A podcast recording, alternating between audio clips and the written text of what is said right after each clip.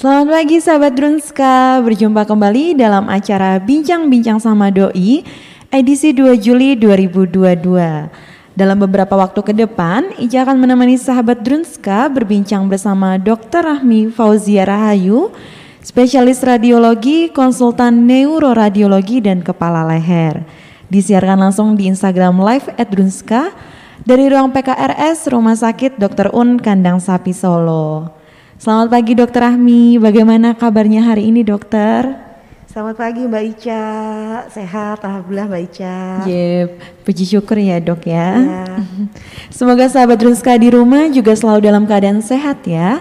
Kali ini kita akan membahas tema yang menarik yaitu peran USG, CT scan dan MRI untuk mendeteksi sumbatan pembuluh darah otak. Yang pastinya sudah membuat sahabat Runska penasaran. Semoga informasi hari ini bisa menambah wawasan sahabat Runska di rumah.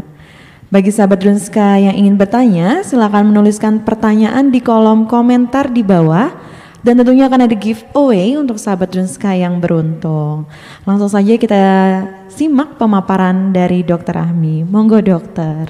Ya, selamat pagi Mbak Ica, selamat pagi sobat sahabat Onska ya. Oke. Runska. Sahabat Drunska. Oh, Brunska. Keren Iya. ya. Oke. Eh, mungkin ini pertemuan pertama dengan saya ya, Mbak Ica ya. Nah, karena saya eh, spesialisnya di bidang radiologi, nah makanya kita omong-omong atau bincang-bincang pagi ini semuanya berkaitan dengan alat-alat ataupun alat diagnostik yang ada di radiologi. Betul dokter. Yang semuanya ini kita di Rumah Sakit Dokter Un ini sudah punya semua Mbak Ica. Dan canggih-canggih. Nah, mungkin kadang-kadang mungkin dari sahabat Brunska nih masih bingung. Kapan sih saya harus periksa USG, kemudian kapan harus periksa CT scan, kemudian juga kapan harus MRI, terus efek sampingnya bagaimana, apakah berbahaya Betul. atau tidak, seperti itu ya.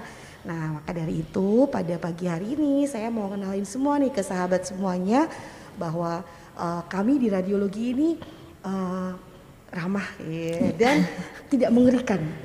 Jangan Silakan- takut ya, Dok. Iya, silakan datang ke radiologi ya. Nanti bisa ketemu saya atau ketemu Dokter Murti ya dan eh, yang lainnya. Betul. Nah, pada pagi hari ini saya diberi kesempatan oleh Mbak Ica nih untuk bicara mengenai eh, peran USG, kemudian CT scan dan MRI untuk mendeteksi sumbatan pembuluh darah otak. Jadi harapannya adalah sahabat Brunska nanti eh, jangan sampai kena yang namanya stroke. Kenapa? Karena kejadian stroke itu sekarang kalau dulu itu pada usia-usia tua, usia-usia lanjut. Ternyata sekarang usia muda pun dengan eh, resiko misalnya pada pasien dengan eh, obesitas ataupun pada eh, gangguan kolesterol itu menjadi eh, semakin muda angka kejadiannya.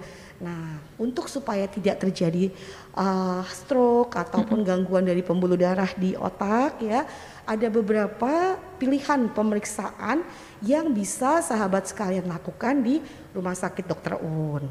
Nah, bagaimana sih eh, otak itu bisa mengalami penyumbatan? Nah, yang paling sering terjadinya adalah karena adanya aterosklerosis plak atau kita eh, singkat plak. Ya, Oh, jadi plak itu adalah suatu eh, penebalan dari dinding pembuluh darah. Ya, jadi bayangkan nih di, di slide saya kan seolah-olah pembuluh darahnya besar ya. Betul dok. Padahal di otak tuh kecil-kecil. Ya, kecil-kecil. Sudah kecil, ketambahan plak. Jadi semakin sempit aliran darah ke otaknya menjadi eh, kurang baik, berkurang ya. Nah, plak itu sendiri ada dua. Ada yang eh, keras atau kita bilang sebagai hard plak atau yang lunak atau kita eh, bilang sebagai soft plak. Nah, dengan bertambahnya usia, dengan adanya kolesterol yang tinggi, dengan adanya hipertensi yang lama, maka akan eh, memudahkan terjadinya pembentukan plak di mana aja termasuk di eh, pembuluh darah di otak. Nah, kalau sudah sampai terjadi plak yang berbahaya ini adalah plak yang tadi yang saya bilang yang lunak atau yang soft plak. Pada kondisi tertentu soft plak tadi itu bisa lepas. Nah, jadi lepas dari pembuluh darah dan dia berhenti di ujung dari pembuluh darah mana yang dia nanti akan berhenti. Sehingga terjadilah yang namanya serangan stroke seperti itu ya. Nah, hal-hal yang seperti ini bisa kita evaluasi dengan atau kita lihat, kita cegah dengan uh, apa namanya beberapa pemeriksaan yang ada di radiologi. Seperti itu. Nah, bagaimana gejalanya? Nah, kira-kira gejalanya seperti ini. Kalau terjadi sumbatan pembuluh darah di otak, hmm. ada beberapa tanda yang sangat mudah sahabat lihat ya. Hmm. Yang namanya bifas. Bifas. Nah, ya. Bifas itu uh, nanti yang pertama adalah gangguan keseimbangan, balance hmm. ya. Jadi gangguan keseimbangan biasanya mulai jalannya tidak seimbang, hmm. kemudian juga uh, pusing, yang paling sering pusing ya, pusing, kemudian uh, gangguan pergerakan bola mata, dia jadi kabur, dia kok saya pandangannya jadi nggak jelas gitu ya. Kemudian juga ini wajah merot. Nah, hmm. kadang-kadang wajahnya kok tiba-tiba bangun tidur kok uh, jadi gak simetris ya kanan kiri. Nah itu kita harus hati-hati ya. Kemudian juga ada kelemahan, kelemahan pada anggota gerak baik anggota gerak atas maupun anggota gerak yang bawah, bawah. ya. Selanjutnya adalah gangguan bicara. Jadi pelo. Oh, ah, iya, jadi iya, cedal iya, gitu kan. Iya. Oh, ngomongnya kok jadi nggak jelas gitu ya. Nah, yang lainnya adalah yang perlu kita perhatikan adalah T-nya di time ya. Jadi mm -mm. ketika ketika sahabat Brunska melihat misalnya ada mohon maaf misalnya mm -hmm. ada keluarga atau ada tetangga yang punya gejala-gejala tadi mm -hmm. jangan lama-lama di rumahnya jangan dikerokin dulu kemudian apalagi ya uh, pijet deh dok pijet, pijet. dulu misalnya udah deh buru-buru aja langsung dibawa mm -hmm. ke UGD Rumah Sakit Dokter Un ya karena mungkin mm -hmm. tadi ada serangan stroke atau ada gangguan dari uh, sumbatan di pembuluh darah di otak. Nah, nanti sampai di rumah sakit maka kita akan melakukan uh, pemeriksaan lebih lanjut. Apa yang harus dikerjakan? Apakah kita harus CT scan hmm. ataukah MRI untuk menentukan hmm. sumbatan pembuluh darah otaknya itu disertai adanya perdarahan di otak atau tidak. Hmm. Seperti itu. Jadi karena uh, kita berpacu dengan waktu. Namanya time is brain. Ya, jadi uh, semakin cepat seseorang dengan gangguan pembuluh darah di otak datang ke rumah sakit mendapat penanganan medis maka semakin baik hasilnya yang diharapkan dan hmm. gejala sisanya atau sequelnya semakin lebih ringan. Tapi semakin lama apalagi sudah melalui golden period ya hmm. golden period itu uh, antara 3 sampai 6 jam ya kalau sudah lebih dari itu biasanya nanti ada gejala sisa yang menetap yang hmm. tidak hilang. Jadi hmm. mohon maaf misalnya datang dengan kelemahan anggota gerak ya. Hmm. Nanti pulang juga masih tetap lemah gitu. Tapi kalau semakin cepat kita datang, semakin cepat mendapat diagnosanya hmm. apa hmm. ketahuan dan semakin cepat mendapat terapi dari uh, dokter uh, saraf atau dokter dokter bedah saraf ya, hmm. maka hasil yang diharapkan uh, itu akan semakin baik ya. Jadi kadang-kadang wah hebat nih kalau stroke datang aja ke dokter Un soalnya datang itu maaf ya misalnya mm -hmm. sudah uh, kelemahan anggota gerak ih pulangnya bisa lari loh. Uh, ya bukan uh, ya salah satunya memang mungkin karena ke dokter Un penanganannya cepat dan tepat ya. Tetapi juga kecepatan seorang pasien itu datang ke rumah sakit itu sangat mempengaruhi dari hasilnya. Ya Betul. jadi jangan lama-lama ya jangan lama-lama. Terus uh, datanglah ke rumah sakit rumah sakit dokter Un yang memang alat diagnostiknya sudah lengkap semua. Seperti itu ya. Nah kemudian siapa sih? Nah tanyakannya kan ya. Kemarin kayaknya saya sudah ada bisik-bisik pertanyaannya nih ada, ada yang udah mulai nanya ya. Siapa sih yang perlu pemeriksaan untuk uh, curiga adanya gangguan pembuluh darah ya di otak Betul, ya. Nah ini adalah pasien-pasien dengan tekanan darah tinggi yang lama, pasien dengan hipertensi ya. Uh, berarti orang tua ya, nggak mesti loh. Anak-anak pun ada yang hipertensi ya. Mm. Kemudian orang dewasa ada juga yang hipertensi gitu ya. Siapa lagi? Nah pasien dengan uh, penyakit gula, diabetes ya. Karena pada hipertensi maupun diabetes hmm. itu yang namanya pembuluh darahnya itu di semua tempat termasuk di otak dia menjadi rapuh. Nah, hmm. dia menjadi kaku, tidak hmm. elastis seperti orang normal. Sehingga tadi mudah terjadi uh, pembentukan plak dan mudah terjadi lepasnya plak dari dinding pembuluh darah. Seperti itu ya. Nah, kemudian untuk bapak-bapak nih Mbak Ica, mm-hmm. nah, bapak-bapak yang suka merokok. Oke. Okay. Nah, saya udah 70 tahun merokok, saya aman-aman aja. Betul. Bejo begitu ya Mbak. Mungkin doanya kuat. Mungkin. gitu ya. Tapi tetap dalam penelitian, mm-hmm. merokok itu merupakan faktor resiko untuk terjadinya stroke ya.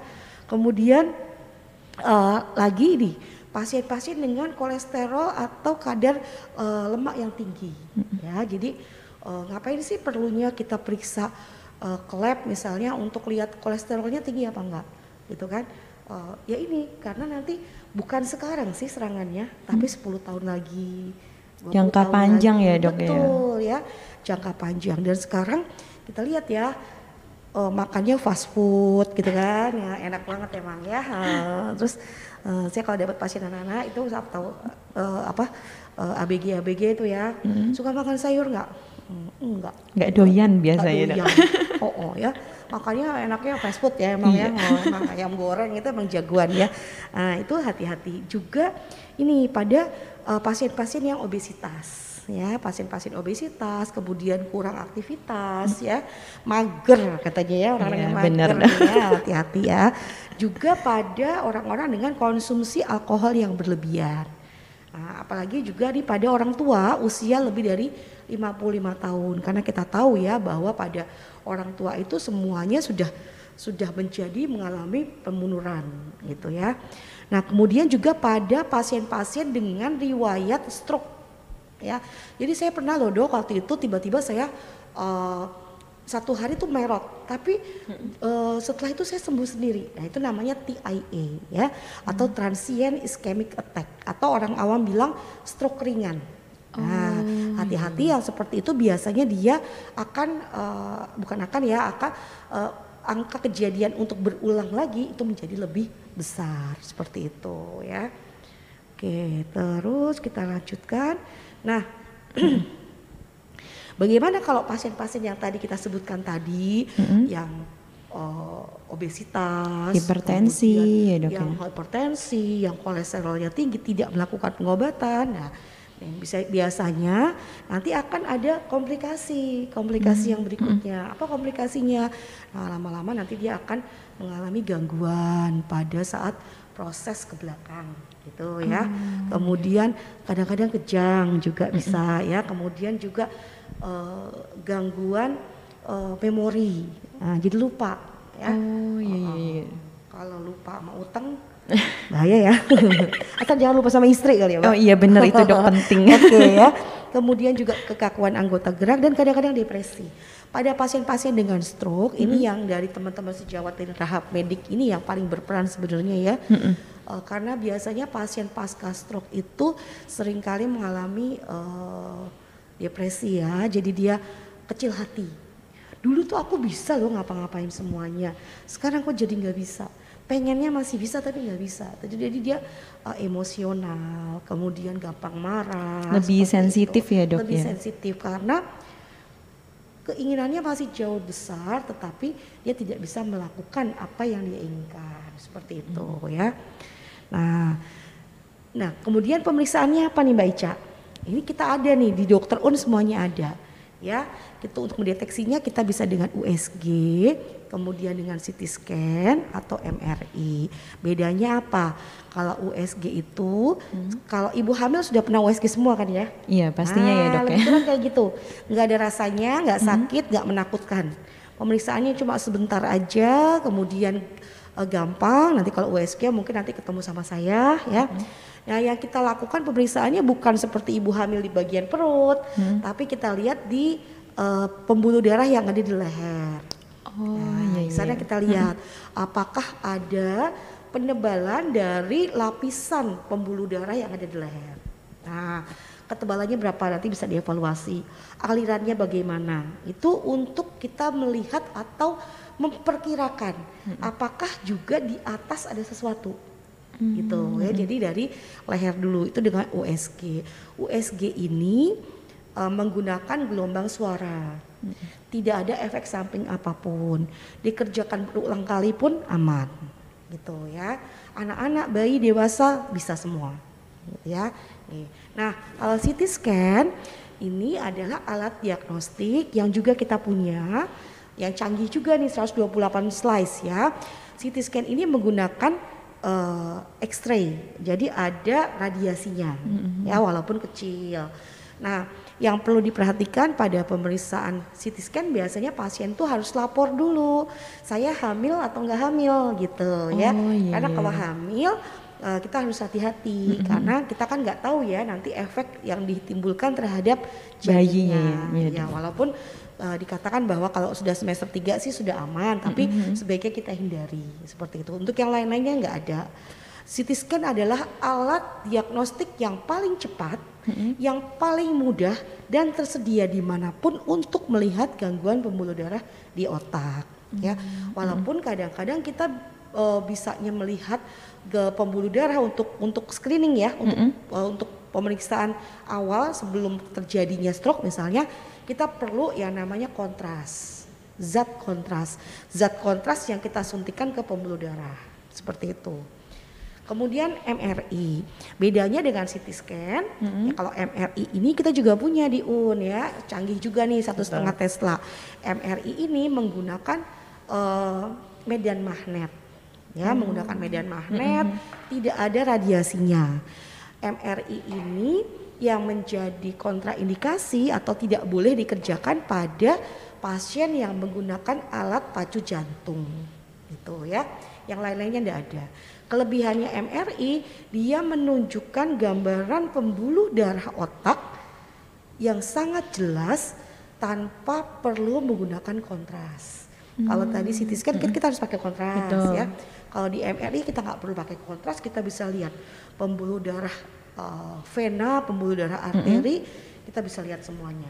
Sehingga mm-hmm. pada pasien-pasien yang mau dilakukan tindakan mm-hmm. uh, DSA, DSA atau arteriografi di kepala karena ada sumbatan, itu biasanya sebelumnya kita lakukan pemeriksaan MRI, MRA, MRV.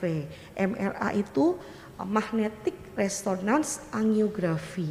Jadi untuk melihat pembuluh darah di otak, baik itu darah arteri maupun darah vena, darah yang menuju jantung dan darah yang menjauhi jantung seperti itu.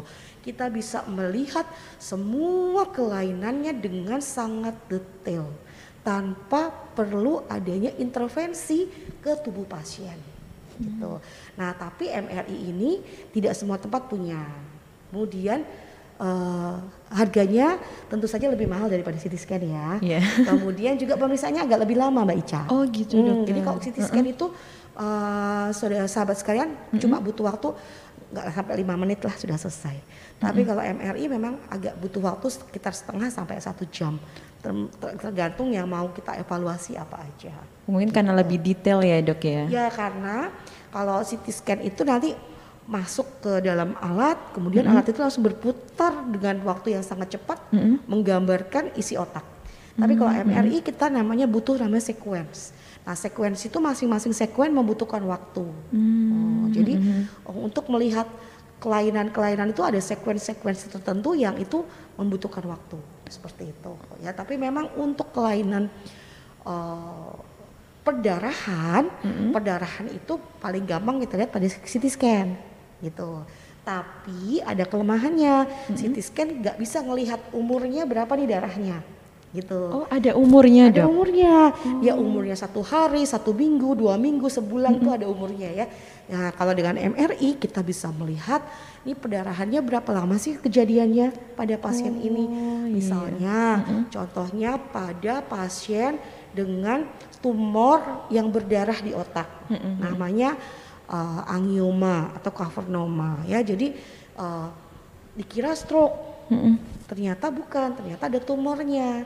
Tumornya memang dia mudah berdarah sehingga sembuh berdarah sembuh berdarah gitu. Nah pada CT scan kita nggak bisa lihat nih umurnya darahnya berapa tapi MRI kita bisa menunjukkan gambar umur dari perdarahannya. Seperti itu. Oke, nah ini tadi yang saya bilang ya. Jadi kalau CT scan, kalau melihat ada perdarahan atau kita mau lihat pembuluh darahnya, kita perlu kontras. Tapi kalau MRI, kalau cuma untuk diagnostik aja kita lihat adanya sumbatan atau tidak, itu kita tidak perlu pakai kontras seperti itu ya. Kemudian, nah bagaimana bisakah sumbatan pembuluh darah otak sembuh? Nah itu tadi tergantung lokasi sumbatannya. Semakin besar sumbatannya, maka gejalanya akan semakin lebih banyak. Betul. Ya. Kemudian waktunya tadi Mbak Ica, semakin cepat datang ke rumah sakit dan mendapat penanganan medis, harapannya tingkat kesembuhannya juga akan semakin Besar ya. besar. Kemudian juga faktor resiko yang lainnya tadi ya, apakah dengan penyulit yang lain? Ada diabetes, ada hipertensi, tentu saja semakin banyak penyulitnya, angka kesembuhannya pun akan juga semakin turun dibandingkan misalnya yang murni hanya ada uh, satu kelainan saja. Jadi memang kalau kadang-kadang kan pasien datang ke kita nih, kira-kira saya kesembuhannya berapa persen dok gitu. Nah itu yang itu cepet banget loh, dua hari langsung bisa pulang gitu kan. Itu kas kasuistik ya, jadi setiap orang berbeda-beda. Makanya harus perlu uh, suatu pemeriksaan yang uh, yang menyeluruh semuanya. Jadi kita tidak bisa bilang "Oh, ini masih muda nanti cepat sembuhnya belum tentu ya. Jadi atau ini usianya memang sudah segini nanti apa masih bisa sembuh? Ya belum tentu juga tadi karena banyak sekali faktor faktor-faktor yang mempengaruhi tingkat kesembuhan seperti itu. Ya. Nah, kemudian nih bisakah sumbatan pembuluh darah itu sama ya tadi ya? Nah, yang penting kita cegah, jangan sampai eh, kena. Kan dengan apa? Tadi ya, dengan aktivitas fisik tiap hari. Jadi kalau saya sepedaan, Mbak Ica ngapain? Saya jarang dok. Oh, harus dimulai nih ya. Nah, habis subuh tuh saya sepedaan biasanya. Saya sepedaan jam 5 sampai jam 6 udah cukup tuh ya. Atau jalan kaki aja lah yang yang tidak beresiko. 30 menit minimal 30 menit tapi setiap hari rutin kita jalan kaki ya. Kemudian diet yang sehat. Saya aja jadi pelanggan kafe diet di sini loh Mbak Ica. Oh konsultasi ahli gizi ya dok ya. Iya, sama saya dikirimin tiap hari. Oh catering cafe diet ya. Kafe diet, sekalian promosi. Iya nggak apa-apa. Siapa tahu sahabat Drunska mau ya dok ya. Iya, Nanti betul. tinggal menghubungi cafe diet. Betul, betul, betul. Kalau saya yang permasalahannya kolesterolnya tinggi misalnya gitu ya. Iya, betul. Nanti dari eh, teman-teman yang ada di kafe dia tuh bisa bikinkan menu yang dengan kolesterolnya rendah tapi gizinya tidak kurang gitu ya. Betul, Atau Dok. saya eh, saya mau ini doang diet yang rendah garam karena Iya. saya tensinya tinggi misalnya. Dia bisa buatkan juga. Betul. Dan rasanya tuh enak, Mbak. Betul. Oh, oh. Jadi diet pun tidak terasa diet dia ya tidak dok terasa ya. diet. Dia bisa menyesuaikan dengan eh, apa namanya aktivitas fisik kita. Kemudian, ih dokter kan sibuk banget gini-gini. Nanti saya naikin ya dok. Kemudian, Waduh, kapan saya kurusnya kalau segitu? gitu. dia bisa ngatur ya. Jadi Betul, dokter. eh, eh, apa? Dan sekarang tempatnya bagus banget loh, ya. Betul. Diperbesar baru. ya Mbak Ica Iya ya. betul. Iya, jadi- Tampilan baru.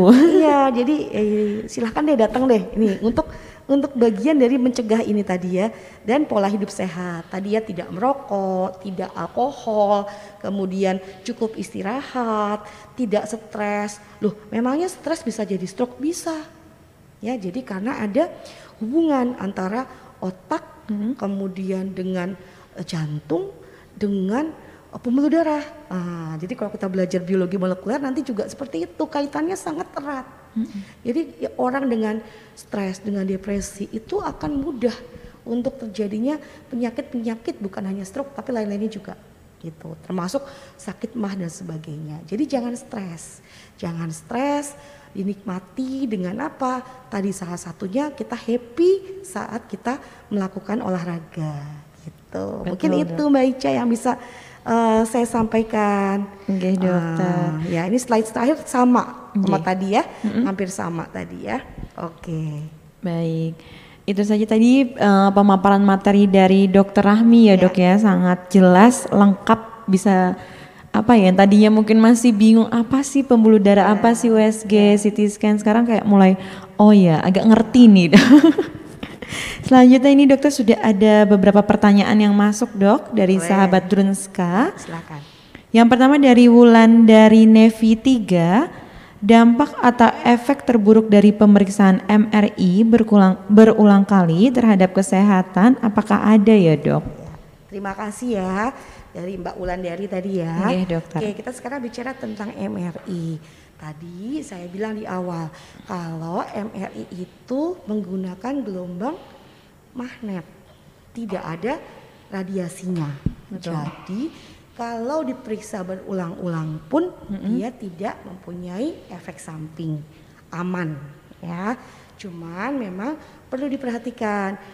Kadang-kadang pada pasien tadi ya, kalau pasien dia pakai pacu jantung sudah menjadi kontraindikasi utama, tidak boleh di MRI. Nanti dia mohon maaf ya, memburuknya bukan karena sakitnya, tapi karena pacu jantungnya berhenti mendadak nih karena karena iya, iya. magnet yang ada di Iya, MRI iya. tadi ya. Jadi kita harus aware banget. Biasanya kalau pasien mau periksa ke MRI ke kita langsung jawab, "Ibu ada riwayat pemakaian pacu jantung atau enggak?" gitu ya. ya. Atau misalnya pasien-pasien yang pernah operasi tulang. Nah, yang dulu-dulu itu menggunakan eh, bukan menggunakan titanium. Nah, kadang-kadang kalau lokasinya itu sangat superficial, sangat di tepi itu juga mempengaruhi eh, apa? Jadi si ma- medan magnet itu seperti kita tahu medan magnet ya, dia akan menarik semua benda-benda yang berbentuk logam. Kan Iya, gitu oh ya. iya, Jadi. Mbak Ica nih kalau masuk ke MRI nggak boleh ada anting-antingnya. Iya. Tadi narik-narik itu. ya, ketarik ma- semua bahkan ini. maskara tuh, maskara tuh kan ada ada besinya ya, ada zat zincnya gitu kan. Iya. Nah, itu juga bisa pengaruh. Biasanya kita tegaskan dulu pasien jangan iya, nggak usah iya, pakai maskara ya bu, gitu kan. Terus Oh, ini iya. harus dilepas emas-emas, kemudian peniti, kemudian jam tangan. Iya. Jam tangannya jangan dibawa masuk. Kalau dibawa masuk nanti eh, apa? Langsung mati tuh. Kecuali memang lihat mau ganti jam.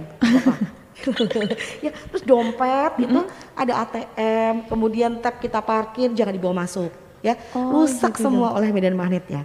Tapi tidak ada efek kalau dilakukan berulang-ulang seperti itu.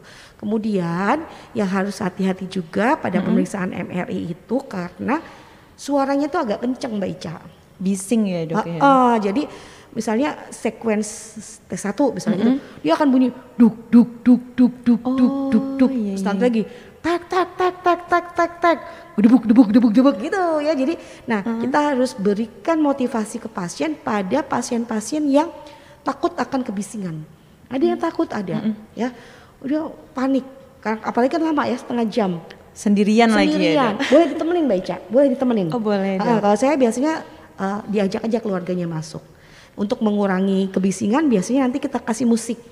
Oh, Nah, Ibu silakan dengerin musik apa supaya rileks. Tapi tetap masih agak mengganggu juga, masih terdengar gitu loh. Tapi Nembus minimal ya, kan Dok? sudah tenang. Dia boleh ditemenin kalau saya silakan aja masuk. Asal yang mengantar tadi lepas semuanya, yang apa namanya yang mengandung logam, Logam. gitu ya. Jadi nggak ada efek sampingnya, aman bu.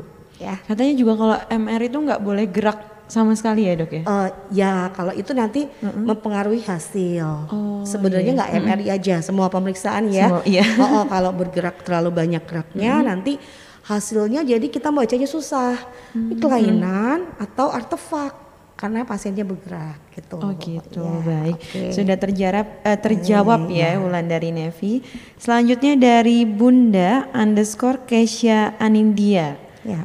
Dok izin bertanya, apa saja yang harus dipersiapkan sebelum melakukan USG, CT scan, dan MRI? Ya, baik.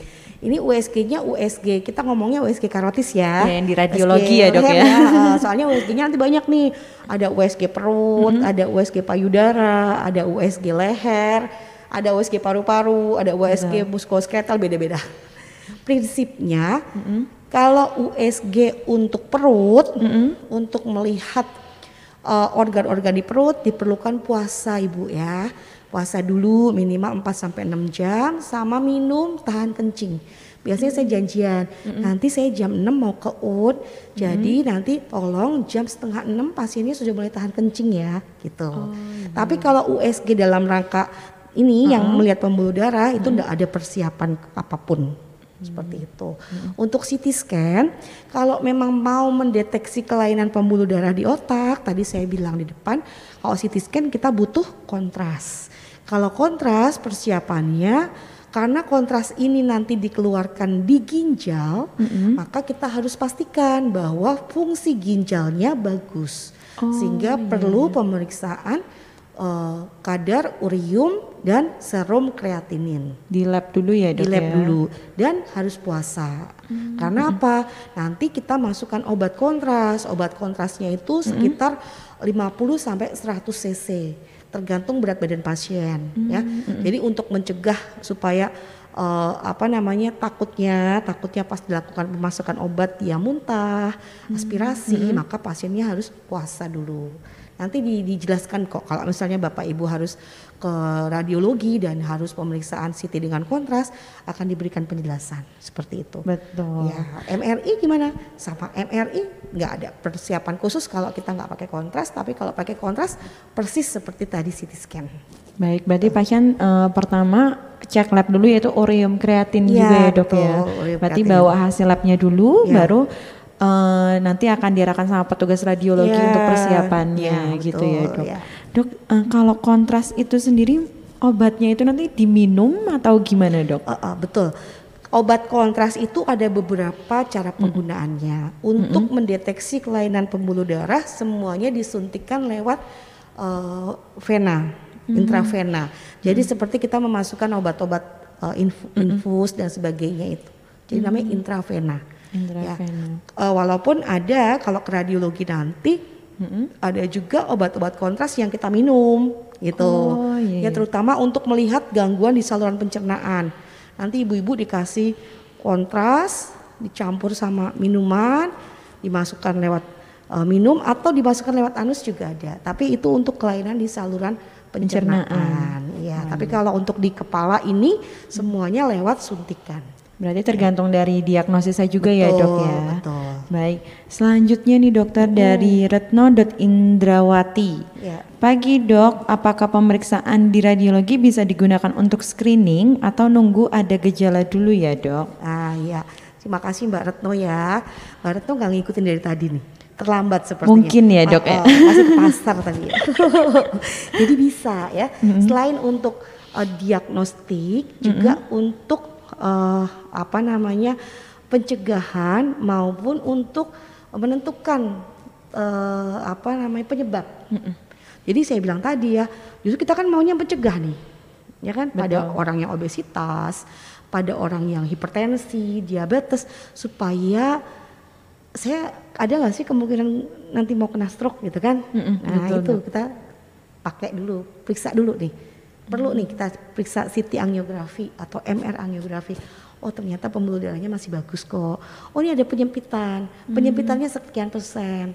Nah nanti kita rujuk ke dokter syaraf misalnya untuk diberikan obat-obat pencegahan dan sebagainya gitu ya. Jadi bisa untuk eh, preventif pencegahan maupun untuk diagnostik atau penegakan diagnostik seperti itu ya. Jadi silakan kalau misalnya mau datang mau butuh saya mau tahu nih kira-kira pembuluh darah saya normal nggak ya? Karena gini saya pernah pengalaman Mbak Ica. Iya dok. dokter juga ya teman sejawat. Masih muda usia 40 tahun.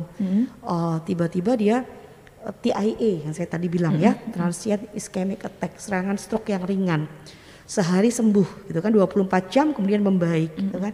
Terus dari sejawat eh, syaraf neurologi dilakukan eh, pemeriksaan MRI kok kok faktor resikonya dia tidak ada nih dia olahragawan kok ya.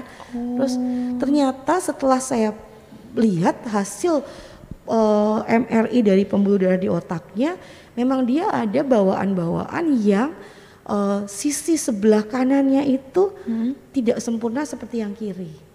Nah, jadi ya gimana ya itu bawaan kan kita nggak bisa cegah Iya, ya. betul. Tapi dengan pemeriksaan kita tahu oh ya memang bahwa dia uh, apa uh, sisi pembuluh darah yang sebelah kanan tidak bagus. Jadi hanya sisi yang kiri yang yang mem- me- memberikan uh, makanan suplai untuk semuanya lewat yang kanan. Sehingga yang kanan ini harus kita pastikan oke gitu kan. Sehingga harus dilakukan uh, tindakan pencegahan ya tidak tidak boleh hipertensi tidak boleh diabetes tidak boleh stres kemudian juga pemberian obat-obatan untuk mencegah terjadinya pembekuan darah dan sebagainya supaya tidak terulang lagi stroke-nya gitu. Tapi kayak gitu kan apa namanya memang bawaan lahir ya dok? Itu Iya. bisa diterapi atau memang ya nggak bisa lagi tuh? Oh, bisa diterapi dengan pencegahan tadi, Mbak Ica. Oh gitu. Satu yang tidak bisa dicegah adalah untuk faktor risiko stroke itu jenis kelamin. Ya, dari penelitian dikatakan bahwa jenis kelamin laki-laki itu faktor risikonya lebih tinggi daripada perempuan. Mungkin terkait hormon juga ya. Jadi itu itu yang tidak bisa ditawar. Emang iya, bapak itu eh, faktor risikonya akan lebih besar daripada eh, perempuan seperti itu. Oh, Kalau yang gitu. lain-lainnya kita bisa minimal kan kalau sudah tahu ada sumbatan dari dokter eh, syaraf bisa melakukan pencegahan dengan pemberian obat atau pelebaran sumbatan pembuluh darahnya gitu juga bisa ya. Jadi nggak sampai benar-benar tersumbat gitu. Oh jadi maksudnya masih yang jangka awal-awal banget gitu ya dok ya Iya, pemeriksaan. Ini dok kan saya mau tanya, ada eh, orang kan memang apa faktor keturunan hipertensi ya dok ya. Terus kayak ah udah biasa eh, tensiku tinggi terus kayak gitu. Terus ternyata kan juga ada kolesterol. Cuman menganggapnya kan kayak ah nggak apa-apa orang aku normal-normal aja. Itu bisa nggak sih dok sewaktu-waktu tiba-tiba langsung deng kena stroke gitu dok? Nah itu ya kita itu seringnya eh, karena kebiasaan jadi ah aku tensi nggak diobatin juga aku aman-aman aja kan gitu ya. Kemudian kolesterolnya tinggi juga aman-aman aja kan gitu ya. Nah yang seperti itu ya seperti Mbak Ica tadi bilang tahu-tahu del gitu gejalanya juga langsung berat. Jadi kalau misalnya eh, sahabat eh, Brunska ya usia di atas 30 tahun, kemudian keluarga juga ada riwayat dengan stroke, dengan hipertensi atau dengan diabetes, jangan males untuk check up. Nah, kalau saya sarankan setahun sekali deh check up, datang deh ke rumah sakit ya, ke UN ya, untuk periksa tadi ya tekanan darah, kemudian juga eh, labnya ya apakah ada kolesterol yang tinggi dan segala macam. Karena tadi eh, apa namanya sekarang itu bukan hanya orang tua yang eh, mengalami stroke, Betul. tapi anak-anak muda dan anak kecil tuh banyak dan kita kan sedih ya karena mereka kan masih usia produktif gitu. Nah maka dari itu setahun sekali lah harus ngecek lah.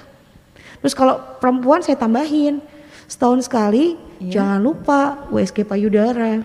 Oh Ya USG payudara ini kita di luar tema ya tapi Iya. sekalian eh, kalau yang sudah menikah ya jangan lupa untuk pap smear misalnya gitu. Betul. Kalau belum vaksin tapi kalau sudah vaksin kan sudah insya Allah lebih aman ya. Nah, payudara juga gitu kenapa? Karena yang paling besar yang mengenai perempuan itu selain tumor serviks atau tumor indung telur juga tumor payudara gitu ya. Jadi USG payudara nggak usah malu, nggak usah nunggu tua, nggak usah nunggu ada keluhan. Datang aja ke radiologi, nanti ketemu sama saya ya. Nggak perlu ada persiapan, paling cuman lebih bagus kalau misalnya habis menstruasi, nah satu minggu habis menstruasi. Jadi kondisi payudaranya dalam kondisi yang rileks, yang tidak nyeri ya iya, kan. Kita USG rutin biasanya ya, nanti setahun sekali. Kalau tidak ada keluhan, tahun depan ke sini lagi ya, Bu. Ya, saya biasa gitu ya. Eh, tapi kalau ada keluhan sebelum satu tahun harus ke sini loh. Jadi kita temukan dengan cepat seperti itu. Ada nggak? Memang kan biasanya kan yang tumor kan yang udah tua-tua dok, nggak juga. Sekarang tuh jadi berubah ya. Betul. Eh, apa yang muda-muda pun muda-muda. banyak yang kena. Iya. Betul dok. Ya. Dok berarti kalau USG payudara tadi itu namanya USG mamografi ya dok? Oh Apa bukan. Jadi untuk payudara karena Mm-hmm. kita kita sedikit menyimpang dari tema utama ya Mbak. Iya. kalau mau kalau di untuk periksa payudara itu ada dua. Mm-hmm. Kita bisa dengan USG. USG yang seperti USG hamil tadi. Mm-hmm. Jadi tidak sakit nanti ketemu sama saya. Terus atau mamografi. Kalau mamografi itu pakai X-ray. Jadi seperti di ronsen, ya di ronsen, kemudian di ronsen payudaranya kita melihat kelainan di payudara seperti itu. Kalau mamografi itu eh, kita kerjakan di atas usia 35 tahun. Tapi kalau USG mulai dari anak-anak aja bisa kita kerjakan gitu. Terus biasanya kalau eh, untuk screening sama bagusnya USG dan mamografi. Cuman dari pengalaman biasanya kalau eh, habis mamografi itu suka pada trauma ya. Oh. Dok kok sakit ya gitu kan karena kan dipencet ya. Enggak, enggak. Gitu. Tapi kalau USG lebih lebih nyaman. Oh, seperti itu. Maksudnya kalau untuk screening awal untuk Iya. jaga-jaga Eh ya kapan dok Mbak ya? Ica aku USG? Iya nggak boleh malu.